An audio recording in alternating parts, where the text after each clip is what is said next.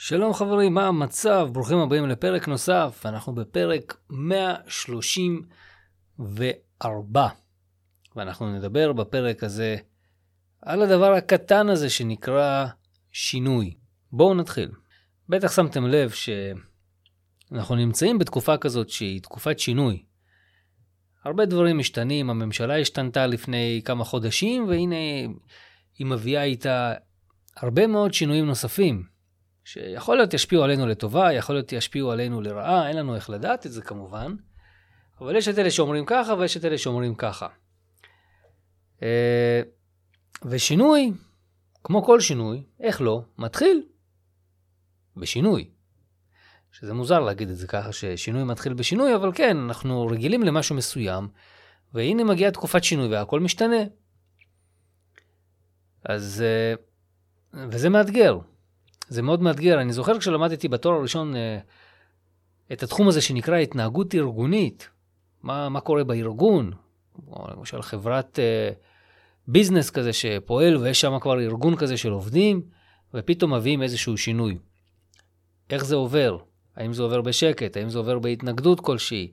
האם יש איזה שהם אתגרים? ובאמת, אחד הדברים הכי קשים שצריך לנהל בחברה או בארגון, זה הנושא של שינוי. וזה באמת מאתגר. אנשים לא אוהבים שינוי, שזה מעניין, כן? כי שינוי זה אומר שבדרך כלל שינוי מביא איתו גם איזושהי קדמה. והנה פה, מגיע שינוי, אני לא מדבר איתכם על פוליטיקה, זה לא מעניין, אני מדבר איתכם בכלל, כשינוי. והחברה לא רוצה את השינוי. הפוליטיקה סבבה, זה כל אחד מעניין, לכל אחד יש את הדעה, לא נכנס פה לדעות, והמטרה שלי פה זה לתת uh, את הנקודת מבט שלי מבחינת שינוי אישי שכל אחד מאיתנו וכל אחת מאיתנו יכולים לעבור כדי להגיע לאן שרוצים להגיע. וזה בדרך כלל איזושהי התפתחות אישית, בעיקר בתחום הפיננסי.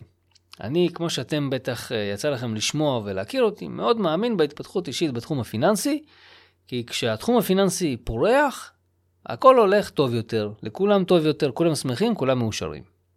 אוקיי? אז uh, ישבתי לעצמי, עם עצמי, וכתבתי לי במחברת המחשבות שלי, כשאני חושב על דברים, אז אני כותב אותם, והתחלתי לכתוב על דברים שצריך לדעת על שינוי. וכתבתי לי כמה דברים, מה יכול לקדם שינוי, מה, מה עוזר לקדם שינוי, איך אנחנו מתנהגים איתו. ואלה הנקודות שעלו אצלי בראש כשכתבתי על הדבר הזה. אז יש הרבה דברים שאנחנו צריכים לדעת על שינוי ואנחנו צריכים להבין. הדבר הראשון זה שאנחנו צריכים להבין זה איך הדברים עובדים. אוקיי? בלי זה מאוד קשה לעשות איזשהו שינוי, אם אנחנו לא יודעים איך הדברים עובדים.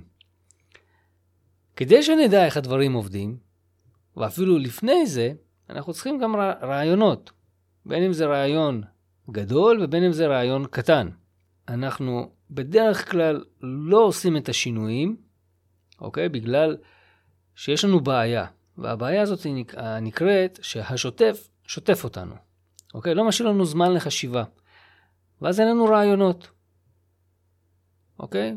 אין רעיונות, כי אנחנו כל הזמן מתעסקים בשוטף, כל הזמן מנסים לכבות את השריפות של החיים, ואין לנו זמן לחשוב ולפתח רעיונות, או לחשוב על רעיונות בכלל. שפיתוח של רעיון זה משהו שהוא כבר שלב מתקדם יותר, אבל אין לנו בדרך כלל זמן לחשוב על איזשהו רעיון. ובטח שמתם לב שיש הרבה אנשים שמוציאים סטארט-אפים, הרבה חברות נוצרות, הכל עניין של רעיון, הכל מתחיל מרעיון. כסף, זוגיות, תהילה, קריירה, הכל זה עניין של רעיון.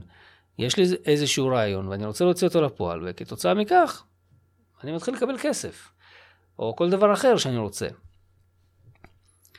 ואז נשאלת השאלה, איך אנחנו יכולים לאמן את המוח שלנו ליצור כל הזמן רעיונות? התשובה היא שאפשר לעשות את זה על ידי חקר ולמידה, אוקיי? לא כל רעיון הוא רעיון טוב שמוביל להצלחה, אין מה לעשות. יש כזה תהליך למידה שאנחנו צריכים לעבור, והתהליך הזה לוקח זמן. איפה החוכמה שבדבר הזה? החוכמה נמצאת דווקא בפעולה הבאה. מצאתם משהו שעובד, תרשמו אותו. אוקיי, אתם לא יודעים מתי תשתמשו בזה, אבל תרשמו. יש דברים שעובדים, יופי, בואו נרשום אותם, אני עושה 1, 2, 3, 4, 5 וזה עובד. למשל, כל מי שרוצה לקבל העלאה במשכורת, הדבר הראשון שאומרים לעשות, זה ללכת למעסיק ולבקש העלאה במשכורת. למה כולם אומרים את הדבר הראשון הזה של לך תבקש מהמעסיק? כי כולם יודעים שזה עובד. אף אחד לא יגיד לך שאם אתה רוצה העלאה במשכורת, לך למעסיק ותיתן לו סטירה. כולם יודעים שזה לא עובד, אז אף אחד לא יגיד את זה. אז נכון, את הרעיון הזה של ללכת ולבקש, אנחנו לא רושמים, כי אנחנו כבר יודעים אותו, הוא במודעות שלנו. זה במודעות של כולם, שאם אתה רוצה העלאת שכר, לך תבקש. יכול להיות שייתנו, יכול להיות שלא ייתנו. אוקיי? אז זה בדיוק העניין. מצאתם משהו שעובד? תרשמו את זה במחברת. אני קורא למחברת הזאת יומן מסע. היומן שלכם להצלחה, שם אתם כותבים את כל מה שעובד לכם.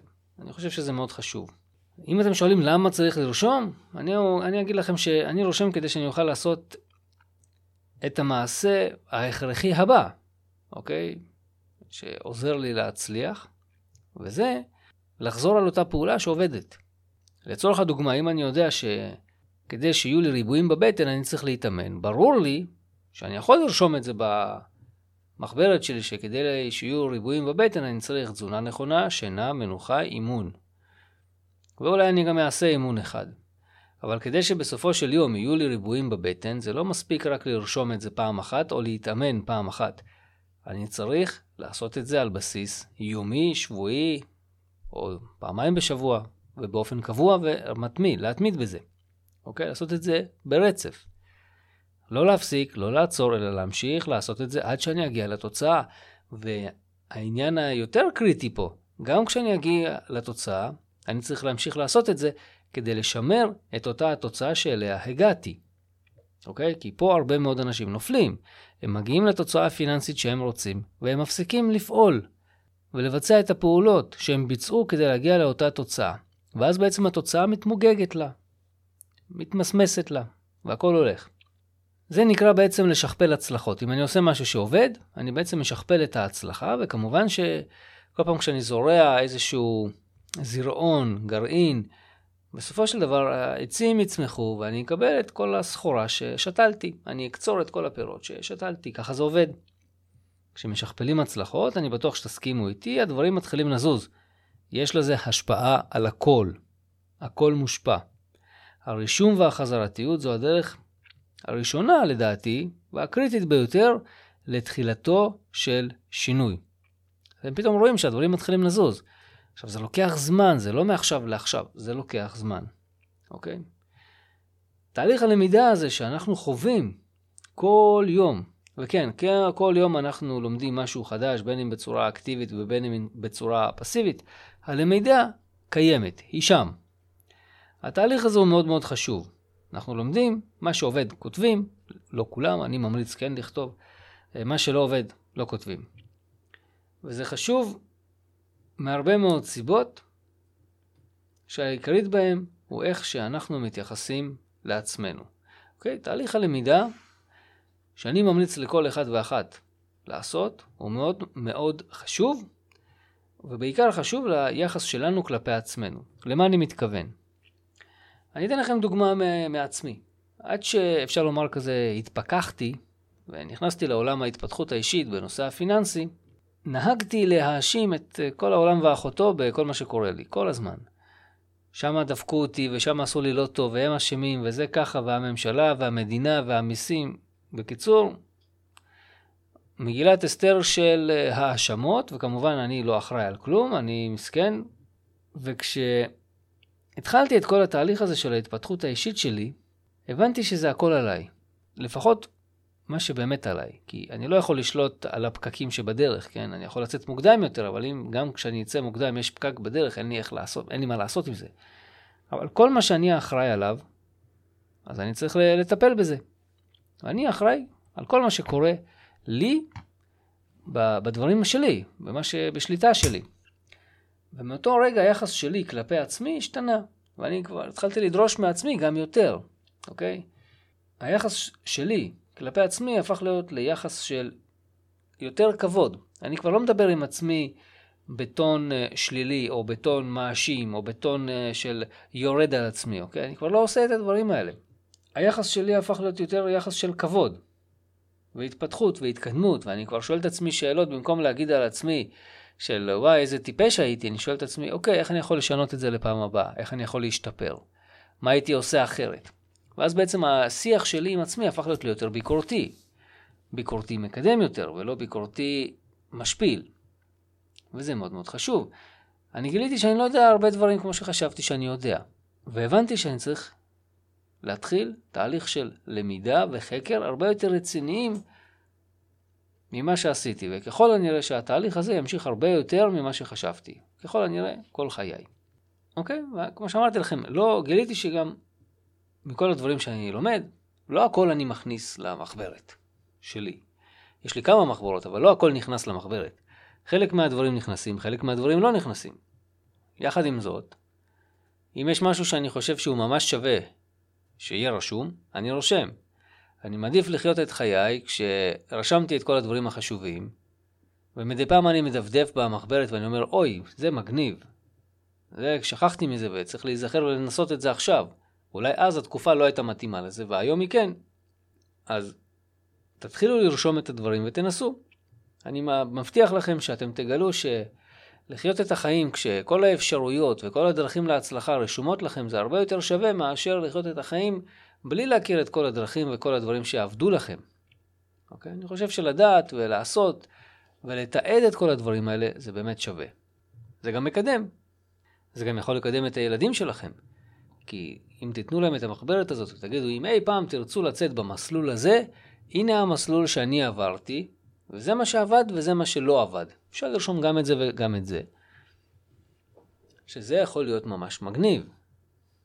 אותו ילד שיקח את המתנה הזאת ויקרא אותה ויסתכל ויגיד, אוקיי, אם הוא עשה ככה, אז כנראה גם אני יכול לעשות ככה, אולי זה יצליח, אולי זה יצליח אפילו יותר. החקר הזה אולי יישמע לכם, החקר והלמידה, אולי נשמע לכם קצת מאיים.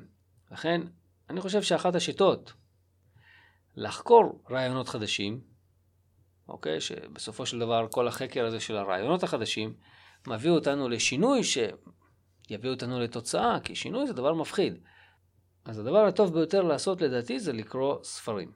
יש מלא ספרים באמת טובים. ממש, כמויות של ספרים מעולים. אה, אנשים יודעים לקרוא, אבל לצערי הם לא קוראים. עכשיו זה קטע, כי בימי הביניים אנחנו רואים בכל הסרטים האלה שיש רק הצילים יודעים לקרוא, והם כל הזמן, רוב הזמן לפחות, עסקו בקריאה. הפשוטי העם, העיקרים, אף פעם לא קראו. היום כולם לומדים לקרוא במסגרת הבית ספרית. רק מה העניין? אחרי שהם מסיימים את המסגרת הבית ספרית, הדבר הכי ארוך שהם קוראים זה הודעת טקסט של וואטסאפ.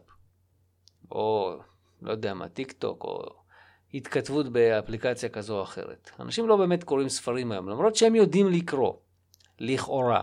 למה אני אומר לכאורה? כי הם לא קוראים. עכשיו, יש מלא סיפורי הצלחה של אנשים שעשו את השינוי הזה בחיים. את השינוי שהם כל כך יכלו לזה, והם מפרטים את כל הדרך שהם עברו. ממש כמו יומן מסע. רק הם עשו עליו ספר, כתבו את הספר, והוציאו אותו. יש ממש סיפורי הצלחה של תעשה ואל תעשה, בכל תחום, ואנשים פשוט לא קוראים. אני חושב שזה חבל. יש כל כך הרבה רעיונות במחיר רצפה. אוקיי? ספר עולה היום, אפשר לקנות שלוש במאה ספרים, או שניים במאה, זה לא משנה. אפשר לקנות ספרים עם המון מידע, המון ידע, ונגיש.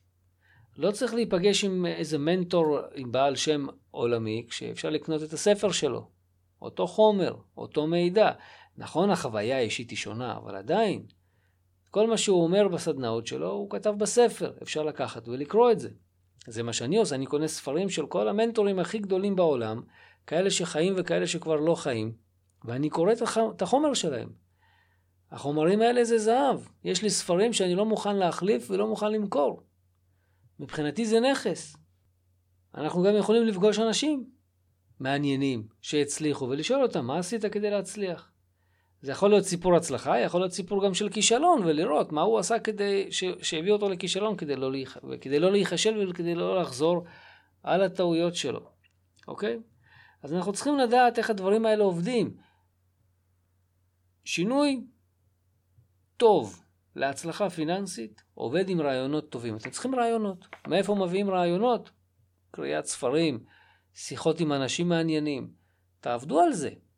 אי אפשר לעשות שינוי, בעיקר בתחום הפיננסי, אם לא היו לכם איזה שהם רעיונות, וכבר נאמר 700 אלף פעם שההבדל בינך, או בין, ההבדל בין, בין אה, היותכם אתם כרגע לבין אה, היותכם אתם במצב הרבה יותר טוב כלכלית, זה עניין של רעיון אחד, או איזשהו כישור חיים שלמדתם, או כישור מקצועי שלמדתם. משהו אחד קטן שתלמדו, יכול להבדיל ביניכם היום לביניכם הרבה יותר מאושרים עם עין.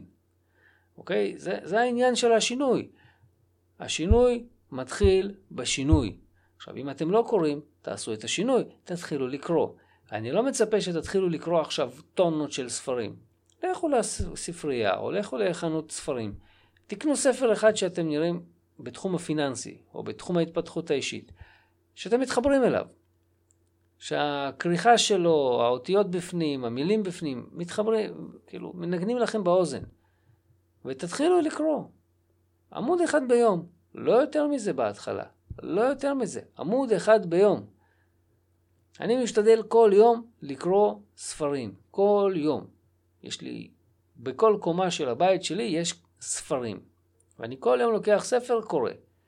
בימים שאני סופר עייף, גמור מעבודה, גמור אחרי יום ארוך, והימים שלי הם מאוד ארוכים, אני משתדל לקרוא לפחות עמוד אחד בספר.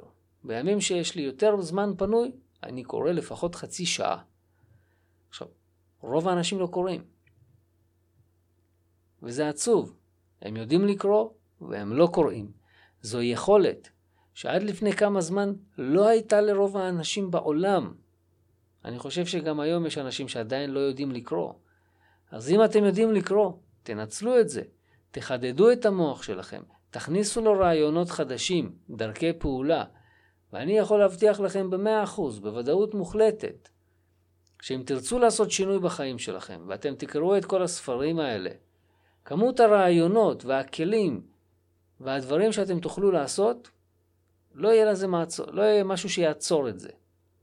לא יהיה משהו שיעצור את התוצאה שאמורה להגיע, והתוצאה הזאת היא בדרך כלל הצלחה. זהו. אז דיברנו על שינוי. אה, אני מקווה שהיה מעניין, כי ככל שאני לומד את התחום הזה של השינויים, בעיקר בתחום האישי והפיננסי, התחום הזה הוא מאוד מאוד מעניין. הוא מאוד מאוד גדול, מאוד מאוד עצום, וכל אחד חווה שינוי בדרך שלו. אז אני מקווה שנתתי לכם את נקודת המבט שלי, או מזווית הראייה שלי, את הדברים האלה שקשורים לשינוי. אם טרם נרשמתם לערוץ היוטיוב שלי, ובזה אני מסיים, אני ממליץ לכם להצטרף גם לערוץ היוטיוב, נקרא כוכב פיננסי, אתם רושמים ביוטיוב כוכב פיננסי או בגוגל כוכב פיננסי, אתם תגיעו לערוץ היוטיוב שלי. ויש שם מלא סרטונים, אנחנו כבר מעל 150 אלף צפיות בערוץ, מעל 1,500 רשומים. איזה קטע, גם מעל 150 סרטונים, הכל באזור ה-15. 150 אלף, 1,500 ו-150. מגניב. אז uh, באמת, יש שם תוכן מטורף. ערוץ עשיר בחומר מקצועי ואיכותי, אתם מוזמנים להצטרף. Uh, ואנחנו ניפגש בפרק הבא. יאללה ביי.